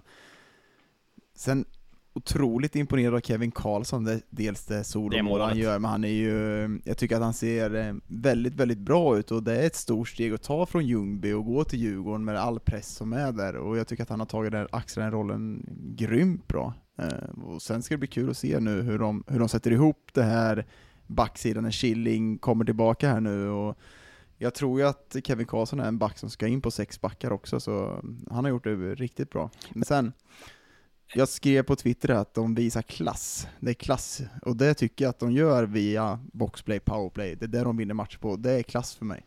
Försvarar du dina egna tweets nu eller? det är bra. Det var någon som slog mig på fingrarna direkt. Ja. Eh, jag måste bara säga, jag eh, på, på lördag, jag är faktiskt ledig på lördag. Det, det är såna här eh, lyx, eh, små lyxgrejer som man eh, blir glad över. Och då eh, så ska vi ha ettårskalas för våran dotter och då sa min sambo att hon skulle iväg med några med några vänner och dricka ett glas vin på kvällen och jag skulle eh, vara själv med dottern och då frågade han, ja men ska inte ni iväg och göra något kul? Då sa jag, ja perfekt. Ta, slå på Babblarna på tvn och så tar jag datorn bredvid och kör eh, eh, Västerås-Djurgården lördag kväll. Kanske lutar mig tillbaka i soffan, varför inte kanske en liten skål popcorn. Den Det är ganska moderna mysigt. pappan. Ja, man multitaskar. multitaskar. Det låter Eh, som en bra lördag. Det tycker jag också. Vad, vad tänker ni om, eh, vad vill ni ha mer då? Vi, ni får en grej var till då innan vi summerar det här. Vad, vill ni prata hästen? Vill ni prata Almtuna? Vad vill ni prata? Jag ska ju till Himmelstalund imorgon så vi måste väl ta bita i lite i hästen här. De eh, ligger ju ändå sist i serien och vi hade väl lite, Lars, du har väl jinxat dem lite? Du har väl Jajamän. pratat gott om dem? Så, eh, Jajamän. de, de har ju ett bättre lag än på pappret och förväntningarna på dem är ju högre än vad de har haft kanske innan, men sen de ska väl inte vara riktigt i toppen, men de ska fortfarande ha ett lag för slutspel tycker jag. Eh, och just nu så defensiven funkar inte, de hattar lite framåt också, jag tycker att de försöker sprida ut spetsen och poängproduktionen i fyra kedjor, det, jag tycker inte att rollfördelningen är tillräckligt bra, så det, det är mycket frågetecken inför imorgon och det ska bli kul att få känna pulsen lite på Olsson och Brithén där och se och höra lite hur de tycker och tänker om det här laget, för jag, för just nu är det, det är en underprestation eh, hittills på hästen. Och det är ju dessutom så här att nu möter man Björklöven som behöver eh, fortsätta nu så att inte det här mot Modo bara var en inspirationskväll med mycket tryck och sådär utan de, jag säger inte att de ska städa av hästen men jag, jag förväntar mig sett till vad vi pratar om, pratat om på förhand och även under den här podden nu att, att de åker dit och tar hand om den matchen på ett, på ett bra sätt. De har ju ett, eh, en förmåga, Björklöven, att göra sämre matcher mot Almtuna och Vita Hästen inte minst. De har ju eh, gjort det många, många gånger, även förra säsongen. Men eh, Vita Hästen, om man kollar igenom det här laget, vi pratade mycket om Arvid Degerstedt skulle få det att lyfta i år, han har fortfarande inte gjort poäng. Jag ser Viktor Öhman har ju knappt spelat i och för sig. Vi ser att eh, Jens Holmström som man tog in från eh, från eh, Västervik har inte fått det att lossna utan det är ju föga förvånande Marcus Eriksson, Jesper Samuelsson som är topp i poängligan tillsammans med Benker och McMaster. Samuelsson tycker jag har varit bästa spelaren i hästen också. Men det är lite som jag säger, jag tycker att de, de har ingen tydlig rollfördelning i det här eh, laget. Jag tycker att de försöker sprida ut liksom spetsen och, och det, den bredden har de inte i det här laget. Jag tror att de mer satsar på två offensiva kedjor, två defensiva kedjor, då kommer också rollfördelningen enkelt. Just nu så spretar de väldigt mycket eh, i, i den typen av eh, formationer och det, jag tror att de måste sätta den tydliga eh, man mår bättre som spelare också om man vet sin tydliga roll. Vi, vi kan väl bara flika in, Marcus Eriksson var väl inte med nu senast eh, och, och spelade matcher mot, eh, mot Tingsryd, men jag antar att det inte är allvarligt där, för jag har inte hört några rapporter om det. Men då körde de ju Degerstedt i första kedjan med Benker och McMaster. Sen eh, Borg spelar med vår, vår kompis Knut Köhler och eh, Jimmy Andersson i andra kedjan. Sen kör Kahilainen, det är ju en grit-spelare med Lennström som får gå med Samuelsson. Det känns ju som att det är fart och lite irritation i den tredje kedjan med Lennström och Kahilainen på varsin kant. Kul match det där. Kul att få följa upp och jag tror som du, jag ser fram emot din rapport Daggen från din plats mellan båsen där, vad det är du ser. För du, det upptäckte du väl om inte annat i eh, Tingsryd, att man fångar ändå upp en viss, eh, vilka är avslappnade, vem ser stressad ut, hur är känslan i gruppen och eh, var står Vita Hästen någonstans? Det, det, jag hörde att ni pratade om det förra podden. Det är ju bästa platserna av att man känner pulsen och man får verkligen känna av lite svett och hockeytryck igen, men man ser ju knappt matchen när man står där nere. Man får en känsla liksom vilka som är på, påkopplade och sånt där. Det var väldigt, väldigt svårt att se hur spelet var eh, när man stod där, så det, men det var Vi är ju i händerna på. Harald Lyckners. Eh, det vi hör i öronen är ju nio gånger av tio, eller elva av tio snarare, så är det Harald Lyckners Mariestad och eh, Hammarö-dialekt som ska berätta för oss. Det var kopiera, klistra in nästan känns det som. Exakt så. Jag måste bara säga nästa vecka ser jag fram emot. Då har vi Modo Karlskoga på, på onsdagen och eh, på fredagen eh, Djurgården-Björklöven. Det känns ju som två väldigt kittlande matcher. Verkligen, det, det, och nu börjar det ju någonstans, eh, det här pratade vi lite grann om i SHL-studion i lördags, att eh, SHL är ju någon match före, men att börjar du komma upp mot sju, åtta matcher spelade, så eh, det är ju fortfarande inte givet, men, men den här fasen med att vi, nu ska vi igång, ja, vi torskar första två, men sen vann vi två. Det börjar arta sig någonstans, både i tabellen, men framförallt i laget, vad du kan se hos dem. Så att jag, jag tycker att nu kommer en intressant fas att värdera och bedöma förmågan hos lagen. Men det då, är det, kände du kramp efter 10 sekunder Dagen? Ja, jag, jag, jag skulle kunna prata en och en halv timme till, men den stora frågan är, byter vi bild imorgon? Ja, det, det är den stora frågan. Jag ska kolla med min agent om det är okej och att Daggen ska in på den där. Ja, jag har, jag har faktiskt skickat ett mail till våran eh, logotypmakare, så vi får se om vi får utskickat. Jag, jag har inte fått något än, Men det måste vara en där han är sminkad också, eller vad heter det, retuscherad. Eh, Just ja. Så att det, det, det är inte... Hörde att det tog ett tag. Fredrik njuter ju varje gång jag är inte med på den där bilden, så det kommer att ta hundra år. Ja, men, så det blir kul att se om jag får komma tillbaka nästa vecka i alla fall. Ja, det Jag vi håller var tummarna. ett- Och så får vi se om vi fortsätter på det här med onsdagar Det här var också. ett bra inhopp eh, Daggen, för att eh, jag vet som tränare hur svårt det är man tittar bort, där sitter den där rackaren och fryser. Är det läge nu och det är klappkast på isen och så ropar man Daggen, är du redo? Ja för fan coach. Och sen kliver de ut och så tänker man det fanns en anledning till att han satt där från början. Men jag tycker du har överraskat positivt ikväll. Ja, det, det är som man satt på bänken och tittade upp och snegla upp mot tränaren och så fick man lite ögonkontakt, får man komma in nu? Så har jag suttit här i två veckor, men ni, ni har inte tittat ner på mig än. Men nu ser jag ju att jag är tillbaka. Eh, Vi måste bara flika in en sista grej också. Fredrik, du har ju varit ute på turné nu igen och eh, resväskan är tillbaka med en ny person i resväskan i år. Vi hade ju, det var ju Lahti i fjol som vi gick och Ja. släpade runt i, i alla, Det, alla det kanske hänger ihop med Björklövens knackiga start, att vi övergav Lahti från min resväska, men, men vi har ju än inte berättat vem som är vem som reser med mig den här säsongen och det Daggen och, och du och jag kommer ju att, att följa ödet och äventyret för den här personen. Vi ska släppa lite ledtrådar med tiden kanske. Det känns som en eh, återkommande punkt, vem som är den. Men jag kom på, eh, jag har, haft några bänkningar under mina år eh, som hockeyspelare, men jag, det, det ploppar upp i skallen här när Janne Karlsson bänkade mig i Växjö, och han sa till mig att Dagge, jag bänkade för att jag tror att Anders Eriksson kommer göra mål ikväll. Och sen så gick matchen och jag satt och käkade en macka i periodpaus, och Anders hade ju såklart gjort mål. Och Sen känner jag hur någon springer in till mig och börjar skratta och slå på mig på ryggen så här och skrika Jag sa ju det! Jag sa ju det! det är det man vill höra då va? så där, men jag, och det var det jag uppskattade som mest med Janne, han var brutalt ärlig. Och kände han det, fick han rätt. Grym tränare. Så det, det var väl ett roligt minne.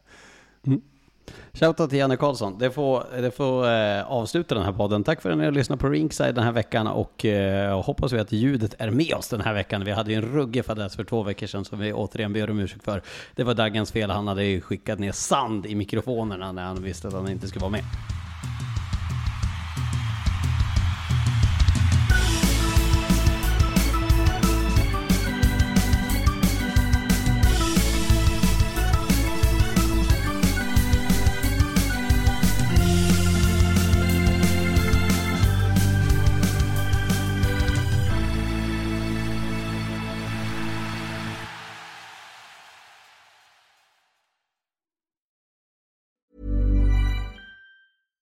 Mom deserves the best, and there's no better place to shop for Mother's Day than Whole Foods Market. They're your destination for unbeatable savings, from premium gifts to show-stopping flowers and irresistible desserts. Start by saving 33% with Prime on all body care and candles. Then get a 15-stem bunch of tulips for just $9.99 each with Prime. Round out Mom's menu with festive rosé, irresistible berry chantilly cake, and more special treats. Come celebrate Mother's Day at Whole Foods Market.